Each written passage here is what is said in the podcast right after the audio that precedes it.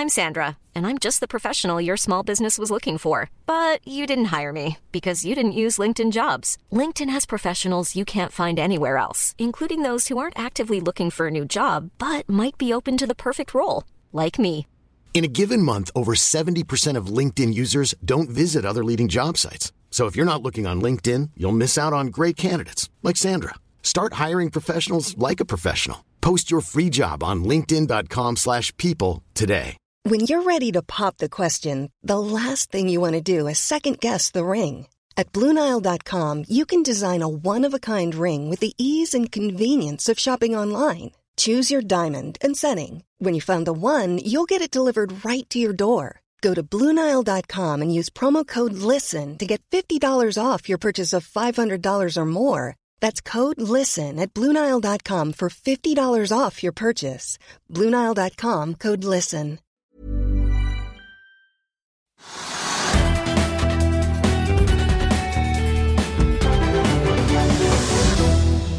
Velkommen til Økonominyhetene fredag 4. mars i det som avslutter eh, nok en dramatisk børsuke. Russland har jo da altså gått til angrep på Ukraina og Europas største atomkraftverk, eh, Zaporizjzja, selv om det internasjonale energibyrået melder at det ikke er meldt eh, målt noen økt stråling. Og Hvis noen var i tvil om at energimarkedene er under et kraftig press, så er det bare å svinge innom disse nøkkeltallene. Brentoljen er i dag opp rundt 2,2 til 112 dollar og 8 80 cent fat i spotmarkedet. Den amerikanske lettoljen ligger også så vidt over 110 dollar fatet. Aluminiumsprisen den fortsetter oppover i dag, og opp 5,3% til nesten 3800 dollar. Også bare hittil i år så har aluminiumsprisen da steget 34% noe som da bidrar til å løfte Norsk Hydro ett hakk opp på pallen over de mest verdifulle selskapene på Oslo Børs. Norsk Hydro er ned 1,3 i dag, men har steget nesten 29% siden siden eh, nyttår. Og vi ser også kraftige økninger i eh, matvare- og råvarepriser. Det er jo for så vidt også da andre priser, energipriser, dette smitter over. I dag har vi hatt strømprisrekord nok en gang i eh, Sør-Norge. Så langt i år ble nemlig den høyeste prisen markert mellom 8 og 9 i morges på 3 kroner og 90 øre kilowattimen. Og regner man med påslagene, så er man da oppe i 4,89. I Midt- og Nord-Norge for øvrig så er prisen på en tiendedel. I dagens sending får vi besøk av tankanalytiker Petter Haugen i ABG Sundal Collier. Vi skal også få teknisk analyse av DNB-aksjen, som jo i likhet med mange andre finansaksjer har slitt etter at Russland invaderte Ukraina. Og vi skal snakke med sjefen i selskapet som sitter på verdens største seismikkflåte. Men la oss først ta en titt på markedet akkurat nå. Hovedindeksen på Oslo Børs er ned 2,1 i dag, etter et fall på 1,3 i går. Og Apropos tank, Frontline bidro jo eh, tidligere i dag til å bremse fallet noe. Den aksjen var opp en halv prosent, men har falt tilbake og er nå ned 1,6% Andre aksjer som bidrar til å holde indeksen eh, oppe og bremse fallet, er DNO, som er opp nesten 3% Fornybarselskapet Scatec, som er opp 1,9 og Equinor, som også er opp 0,3% etter fallet på over 3% i eh, går. En aksje som faller Tilbake i dag er Subsea 7, som jo hoppet uh, utrolige 12,5 i går. ABG Sundal Colliers Håkon Amundsen har jo kommet med en kjøpsanbefaling på Subsea 7 etter at de slapp Q4-tallene sine i går, der oljeservicekonsernet også kom med utbytte nytt og varsel om tilbakekjøp av aksjer. Det har kommet eh, enda flere meldinger om eh, hvilke konsekvenser Ukraina-situasjonen har for norske børsnoterte selskaper i dag. Elopak eh, meldte like før sending at de innstiller all sin virksomhet i Russland med umiddelbar effekt. Totalomsetningen i Russland og Ukraina er, var i fjor på 90 millioner euro, opplyser selskapet, og de bokførte verdiene er satt til 15 millioner euro. Selskapet sier at de nå vurderer de langsiktige konsekvensene av situasjonen. Den aksjen er ned 2,3 i dag, og er ned hele 37% siden nyttår. Gjødselkonsernet Yara sin visekonsernsjef Lars Røseg sier til DN i dag at selskapet fordømmer den russiske invasjonen av Ukraina. Likevel eh, erkjenner selskapet at de er for avhengig av russiske råvarer til at de vil bryte båndene til selskaper som kontrolleres av russiske oligarker. Yaras kontorer i Kiev ble jo truffet av et rakettangrep tidligere denne uken uten at noen eh, ble skadd der. Den aksjen er ned 4,2 i dag og opp 3,5 eh, så langt i år. Vi må også innom fly, for etter at Flyr slapp sine trafikktall i går, og før SAS kommer med sine på mandag, så slapp Norwegian sine trafikktall i eh, morges. Og vi kan jo da ta en titt på eh, hvordan utviklingen er. For mens Flyr altså fraktet 50 000 passasjerer i eh, januar og hadde fire fly i drift, så er jo Norwegian da langt større. 640 000 fløy med Norwegian i januar, og de hadde 44 fly i drift med en fyllingsgrad på over 81% mot Flyrs 64 det er jo eh, da sånn at eh, fyllingsgraden har gått ganske kraftig opp over 10 poeng, og gilden er også litt bedre. Nå ser vi da på billettinntektene som man kan regne seg frem til ut fra trafikktallene, så har de økt fra januar til februar. Fra 416 til nesten 443 millioner, før man legger på da ekstrainntekter fra cargo, ombordsalg og annet. Eh, Norwegian selv påpeker at dette er de høyeste billettinntektene selskapet har hatt siden utbruddet av koronapandemien i mars 2020. Og Konsernsjef Geir Karlsen sier at februar tradisjonelt er en måned med lav etterspørsel, men at man i år faktisk da havner omtrent på nivå med januar. Og passasjernivået eller Grunnen til at vi da sammenligner med januar i år uh, rett til februar, og ikke mot februar i fjor, er rett og slett fordi at det er uh, russiske prosenter, rett og slett. Hvis man sammenligner trafikken og passasjernivået er jo Eller passasjernivået i hvert fall er på tigangeren av hva det var i februar i fjor. Og så ser vi på da sommerprogrammet som Norwegian planlegger, så er det 44 ruter eh, for eh, Nei, 280 ruter, unnskyld, mens Flyr da legger opp til 44 i eh, sitt program. Norwegian skriver foreløpig ikke noe om noen konkrete konsekvenser av Ukraina-situasjonen i trafikkrapporten sin. Men selskapet opplyser at de følger utviklingen i både finansmarkedene og ikke minst drivstoffprisene svært tett. Konsernsjefen har jo vært åpen på at eh, de grunnet den finansielle situasjonen ikke har kunnet hedge noe særlig drivstoff i det siste på linje med resten av eh, bransjen. Oslo Børs har besluttet å ta opp Ocean Geoloop til handel på Aunex Growth, og den børsnoteringen er ventet eh, allerede neste uke, den 8. mars. I tillegg har teknologiselskapet Elliptic Labs nå tatt hoppet opp fra Aurenex Growth og over til hovedlisten. Før vi går videre i sendingen, husk at du også kan se sendingene våre ved å gå inn på fano-tv, og at vi også har andre podkaster enn bare Økonominyhetene, som Morgenkaffen, Gründerpodkasten Veien hit, Ukens vintips, Kunstpraten og bilpodkasten Mil etter mil. De finner du ved å søke Finansavisen, der du hører på podkast. Denne uken har Sparebank1 Markets arrangert sin årlige energikonferanse her i Oslo. og I går hørte vi jo fra analytiker Theodor Sven Nilsen og konsernsjefen i Euronext. På konferansen traff vi også en av toppene i den skadeskutte seismikkindustrien, som har slitt helt siden oljebremsen startet i 2014. Men flere har øynet et håp om et comeback i det siste, bl.a. fordi oljemarkedet har vært under press på vei ut av korona. Oljeprisen har jo passert både 80 og 90 dollar fatet før eh, denne Ukraina-invasjonen. Men hvordan ser det egentlig ut eh, nå, da? Velter hele situasjonen eh, i Ukraina om på oljeselskapenes vilje til å kjøpe inn seismikk? Bare se her. Irene Våge Basili, konsernsjef i Sharewater. Den største aktøren globalt innen seismikk med en flåte på ja, nå 23 skip, etter at dere har nylig varslet at dere skroter ytterligere fire. Kan du si litt om, om, den balansen som er i verdens eh, flåte nå, at dere faktisk tar en sånn beslutning? Får dere da greit betalt for metallet? Ja, historisk sett får vi greit betalt for metallet, men så var det ikke egentlig metallprisene som gjør at vi resirkulerer skip. Det handler om å fornye flåten vår og ta ut de eldre og også mer forurensende skipene. Eh, som vi da får anledning til å gjøre nå, fordi vi kjøpte seks eh, nye, moderne skip på denne tiden i fjor. Så det er egentlig bare at vi gjør hva vi sier eh, vi skulle gjøre i fjor, ved at vi fornyer vår flåte til en, en mer lavemisjon, clean design-flåte med en gjennomsnittsalder på elleve år. Du har stått her oppe sammen med kollegaer i TGS og PGS og Magsize. Eh, si litt om hvordan bransjen ser ut nå, for både dere og andre har jo skip i opplag. Eh, er det liksom, Hvor lenge kommer det til å vare? Kommer det noen skip ut av opplag, eller er det fortsatt litt eh, stille? Vi forventer at det vil komme skip ut av opplag. Eh, men som den desidert største aktøren eh, som da eier og kontrollerer skip, så kommer nok vi til å være ganske disiplinert med når vi tar skipene ut.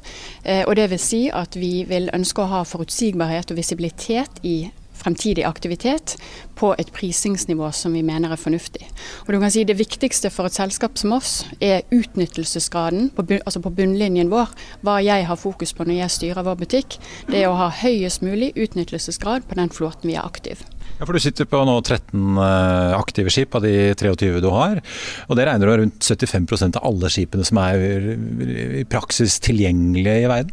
Du kan si det, Den aktive flåten i dag globalt, med alle mine pairs som sto på scenen i dag, består av tolv skip, hvorav vi har om det er fem eller seks, det husker jeg ikke helt. Så er det ytterligere i den globale flåten, og det sier jo hvor unikt dette markedet. Det er kun 17 skip tilgjengelig globalt som kan tas ut for å møte økt aktivitet.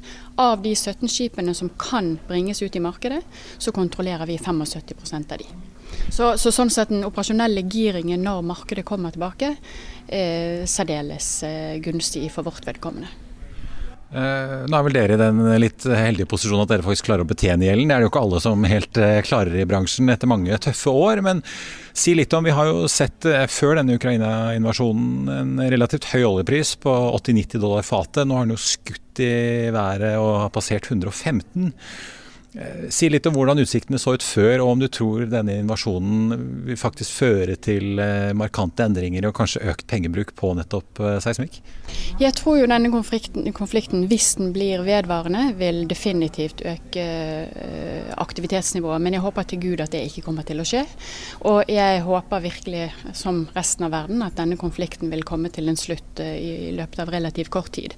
Så når vi ser på, på måte, våre antagelser om hva vi forventer i en markeds eh, til eh, recovery, så handler ikke det om Ukraina. Det handler om de underliggende driverne som var der lenge før denne katastrofen. Og det var en oljepris som faktisk var eh, godt over 95 dollar før Ukraina-Russland-krisen. Og en etterspørsel i verden som nå er kommet tilbake etter man har kommet tilbake fra covid.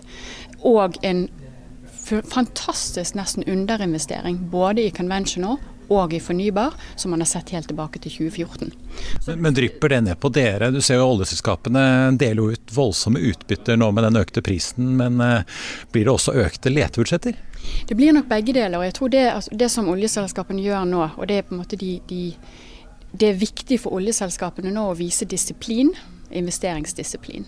Og Det handler om måte 2014 og utover. Og Det er også viktig å tekkes deres aksjonærer og gi ut utbytte.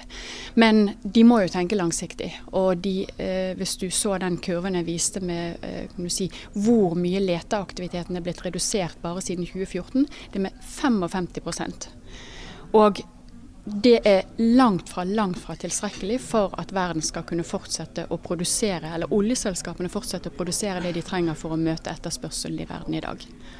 Så, så, så eh, for svar på spørsmålet litt, ja, det vil dryppe på oss. Eh, antageligvis ganske betydelig. Når det vil inntreffe, fremdeles usikkert.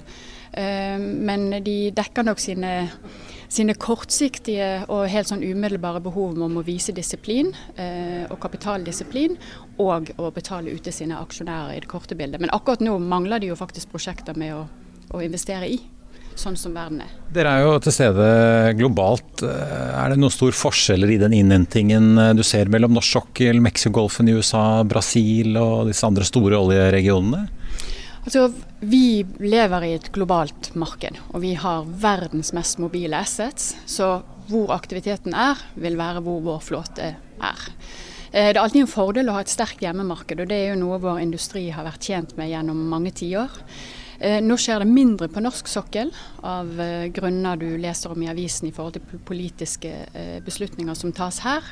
Men det vi ser er at beslutninger tas i altså, nasjonale oljeselskaper i type India, Brasil, Tyrkia.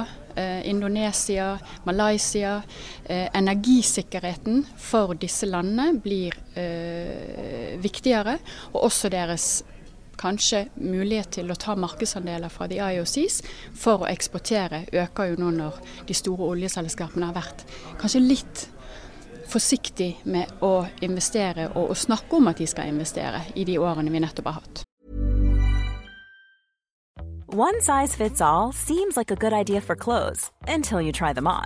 Same goes for healthcare. That's why United Healthcare offers flexible, budget friendly coverage for medical, vision, dental, and more. Learn more at uh1.com. I'll see you in court. Vi sier det ofte litt på spøk, men for deg som driver business, er det aldri moro å innse at du ikke har laget en 100 gyldig kontrakt. Du bør ikke risikere hele firmaet ditt fordi du synes dette med kontrakter er litt stress. En avtale er ikke en avtale. Du kan miste kunder, miste venner, ja, til og med miste inntekter om du ikke lager en skikkelig kontrakt, på alt mulig, egentlig. Men vi vet det er et styr. Kopimaskiner, tregprinter og haugevis av papir. Dessuten stoler vi jo på folk her i landet. Det er ofte litt kleint å skulle be om en signatur for alt mulig, ja, for mye av styret handler også om jakten på underskriften. Det finnes en enkel måte å løse dette på, Dukkobit, en trygg, effektiv og get this, gratis måte å sikre seg en god natts søvn pluss en juridisk bindende avtale. Dukkobit-appen har de strengeste sikkerhetskrav i bunn, samt en EU-godkjent og sertifisert teknologi. Framover vil det bli behagelig å spørre du, skal vi skrive under på det, eller? Kom i gang på dokobit.no. Da skal vi over til dagens eh, gjest, som følger den sektoren i shipping som virkelig gikk glipp av den festen som store deler av bransjen opplevde i fjor, med skyhøye rater innen alt fra tørrlast til LNG og ikke minst container. Så spørsmålet blir jo da er 2022 tankrederienes comeback-år, og hvor stor er egentlig Ukraina-effekten for eh, tankrederne? Petter Haugen, analytiker i ABG, velkommen til oss. Takk for det. Kanskje vi skal begynne der. Hvorfor, altså for å spole litt tilbake, hvorfor slet tank så mye når alle disse andre sektorene begynte å gå som en kule? For å forstå det, så tror jeg egentlig man må gå tilbake til forut for uh, covid. Uh, da var det jo Jeg husker jo, satt hjemme i kjellerstua og tenkte at uh, så et vindu og ingenting beveget seg. Mobiliteten var jo null. om det var i Kina eller USA eller Norge eller hvor det var, så var det antagelig noen uker der hvor ja, bl.a. oljeetterspørselen hadde sett et fall som man ja, ikke trodde var mulig. Um, og det fallet i oljeetterspørsel har jo etter hvert da ledet til et kraftig fall i oljeproduksjon uh, og oljefrakt. Uh, så oljeetterspørsel leder an på produksjonen, som igjen leder an på, på nødvendigheten av frakt av, av, av, olje. Og det var jo egentlig først nå vi er tilbake igjen til de nivåene vi var på forut for covid på oljeetterspørsel, mens mange andre eh, etterspørselsfunksjoner, om du vil, har jo vært uh, høyere enn hva de var forut for covid. Du nevner container, uh, for så vidt også LNG og, delvis tørrbulk har jo hatt en kraftig etterspørsels... Oppsving med all nettshopping og alt mulig. Ja, for jeg så Frontline skrev vel at de regnet med at etterspørselen ved slutten av 2021 var omtrent 101 millioner fat dagen. Ja, ja, så, så er vi liksom tilbake til, eh, tilbake til scratch sånn sett, da. Ja. ja.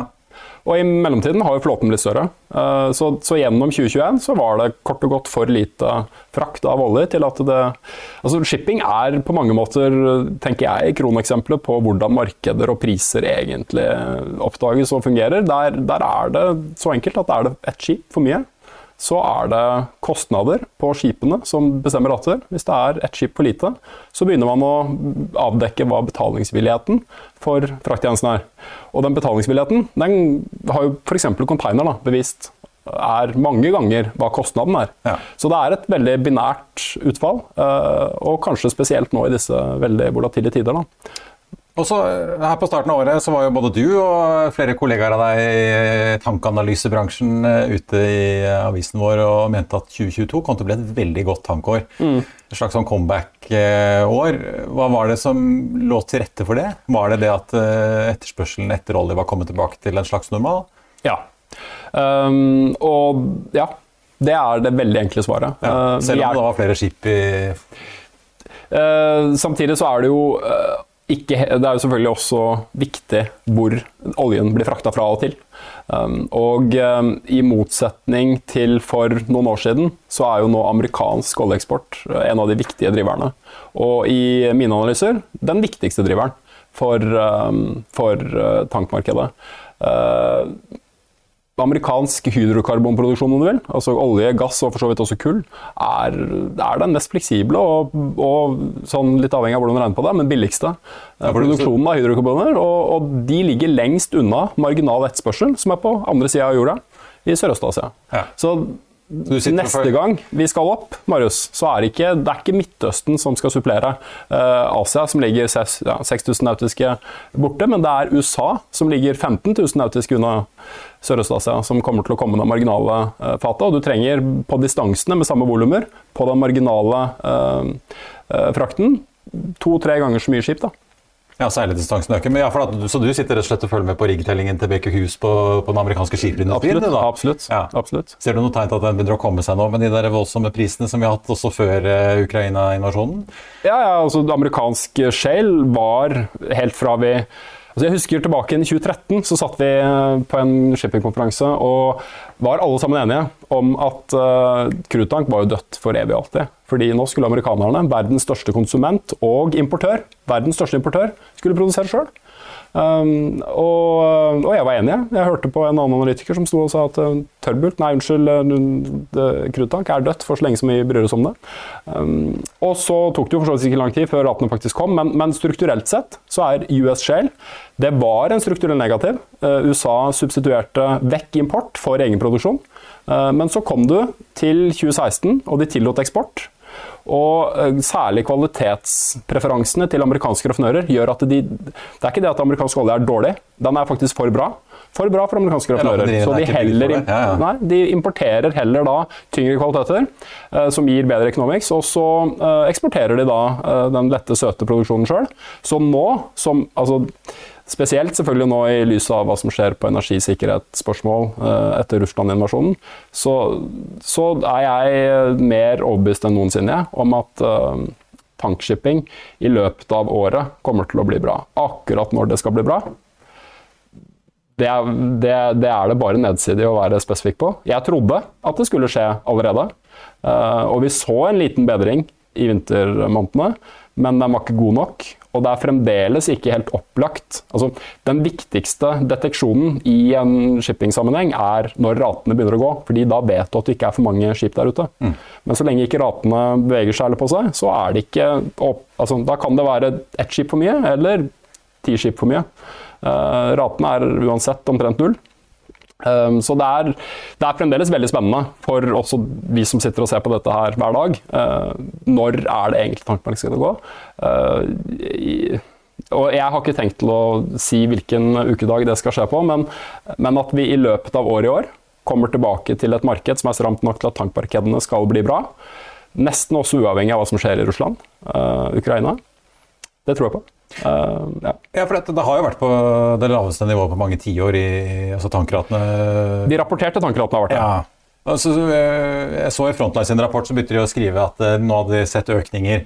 Mm. De begynte å nærme seg cash break-even, at de faktisk fikk dekket sine egne kostnader ved, ja. ved drift. Men altså, betyr det implisitt at uh, tankrederne fortsatt uh, går i minus på disse seilingene sine? Altså, for Q1 nå så har vel vi omtrent nullresultat i nesten alle rederiene vi dekker. Fordi når man sier at uh, tankmarkedet er så dårlig som det aldri har vært før, så er det på rapporterte benchmark earnings. Uh, men spesielt nå som olje er så dyrt, så er også bunkerspris veldig dyrt. Og tankmarkedet, i motsetning til f.eks. tørrbulkmarkedet, kvoteres i dollar per tonn, ikke dollar per dag. Så i, i tørrbulk så leier du et skip, og du veit hva du betaler. I tank så kvoterer du en rate som er i dollar per tonn, og så er det da avhengig av hva kostnadene dine er, uh, for å da regne ut hva du tjener i per dag-basis, som, som, en TC-ekvalent da vil reflektere. Um, og hvis du har et skip som bruker mindre bunkers, som stort sett disse noterte selskapene har, fordi de har nyere båter enn, enn gjennomsnittsbåten, så tjener de bedre. Så gjennomsnittsratene i de rederiene vi sitter og ser på, selv om da benchmark earnings har vært null og sågar minus, er i størrelsesorden 15 000-20 000 dollar dagen pluss. Så narrativet, som, ofte, som, det ofte er, er jo mer komplekst. Og, og ikke så sant som eh, din bransje vil at det skal være. vet du. Sånn er det av og til. Men jeg må spørre deg, nå har vi jo eh, litt Ok, du sier at det, det skal opp, litt usikker akkurat når, men at alt ligger til rette for det.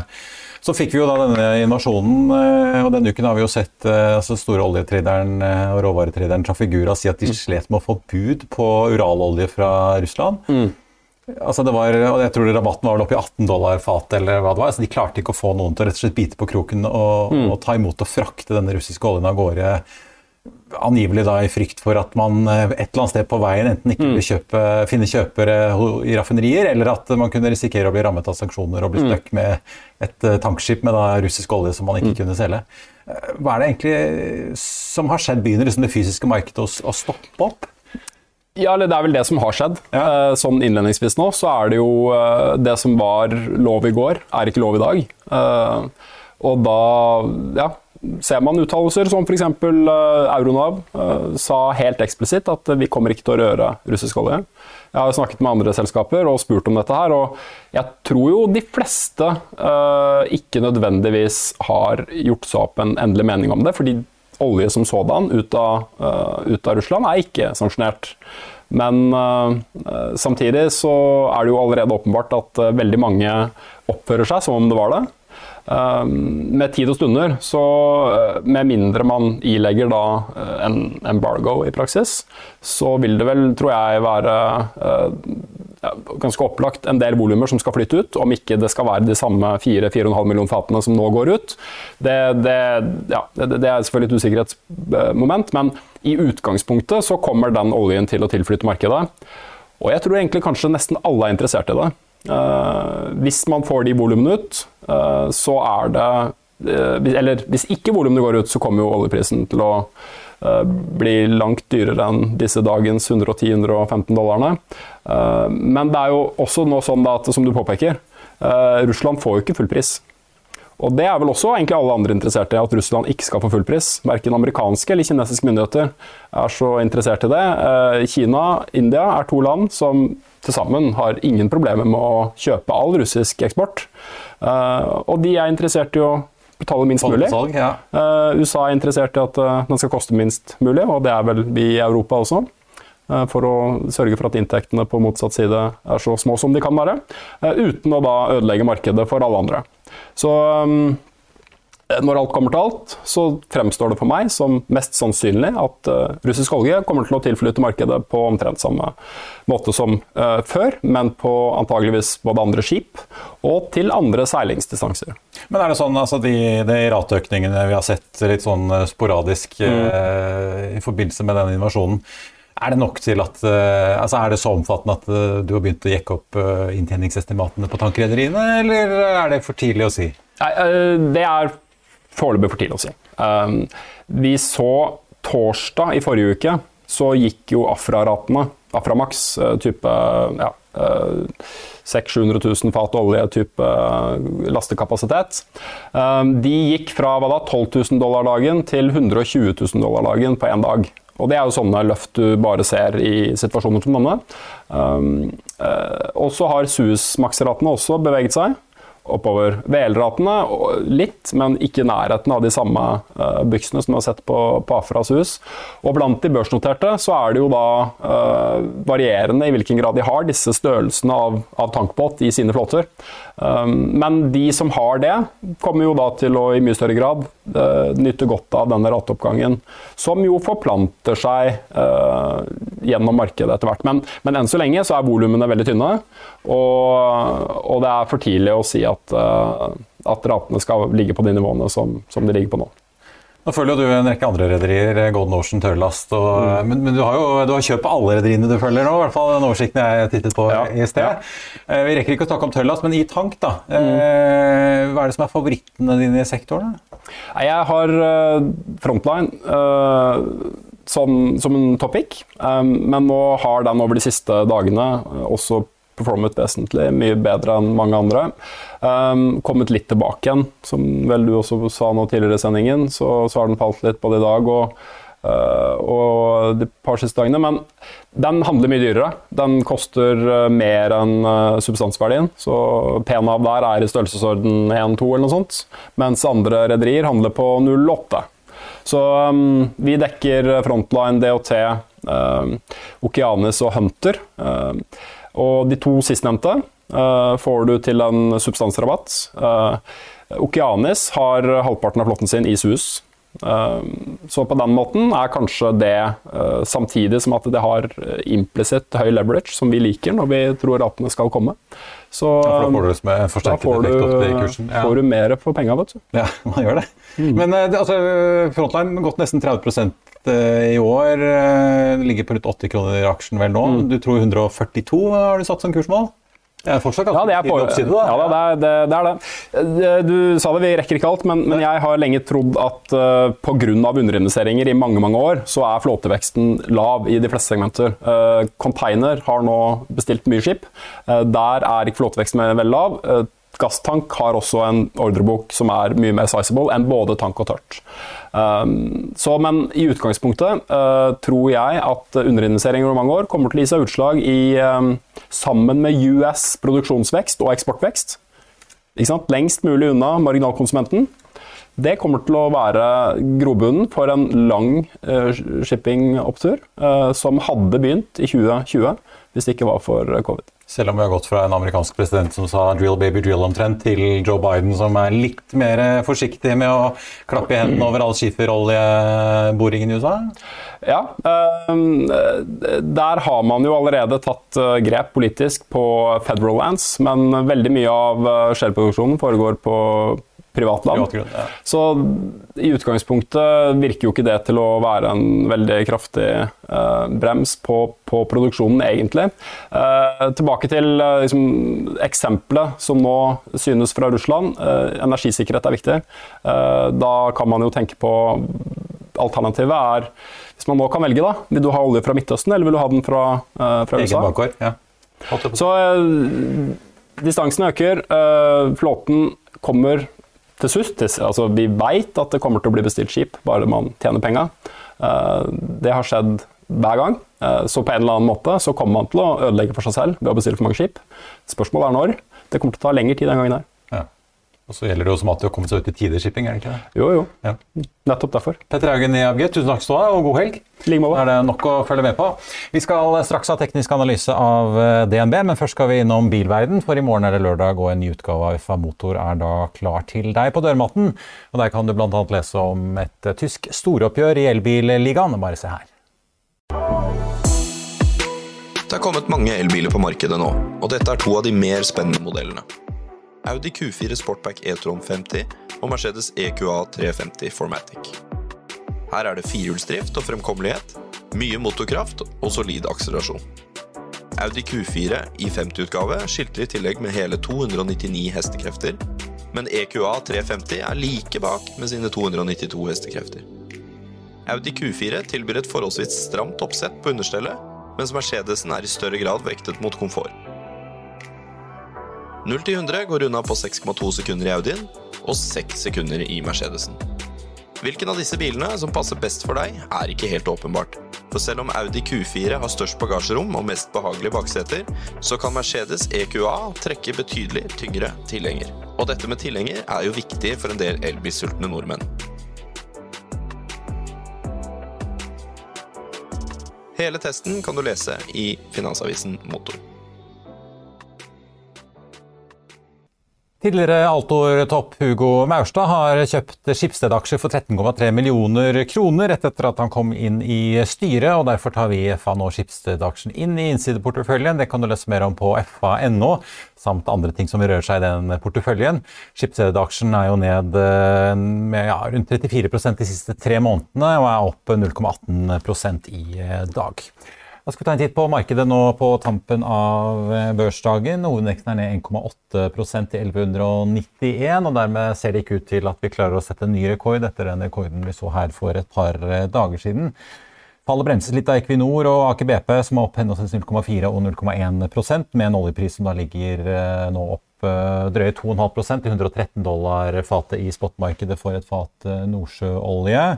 Av andre aksjer eh, på topplisten over de mest omsatte så ser vi Norsk Hydro ned 2,6% Yara ned 4,9 mens DNB, som vi altså hadde teknisk analyse av nå, er ned 3 i Finansavisen eh, lørdag kan du lese om Equinors historie i eh, Russland, og som oljeselskapet har annonsert at de eh, trekker seg ut av landet. Du kan lese Trygve Hegnars leder, der han skriver at Hadia Tajik absolutt burde fortsette som nestleder i Arbeiderpartiet. Du kan lese om den tyske industrigiganten BASF, som investerer i Norge, og du kan lese børsintervju med Sturla Skogland i Søderberg og Partners, samt mye mer Helge og bilstoff, selvfølgelig. Det var det vi hadde for deg på denne fredagen. Tusen takk for at du så på. Mitt navn er Marius Lorentzen, og vi er tilbake igjen her på mandag klokken 14.30. I mellomtiden får du som alltid siste nytt på fa.no. Takk for nå, og en riktig god helg.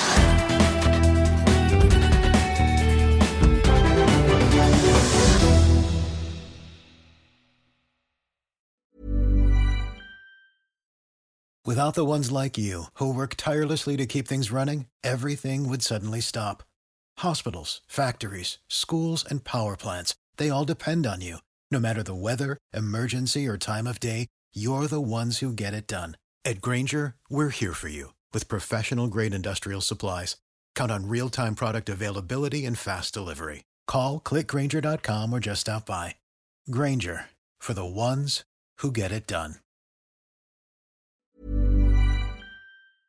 Økonominyhetene er en podkast fra Finansavisen. Programledere er Marius Lorentzen, Stein Ove Haugen og Benedikte Storm Bamvik.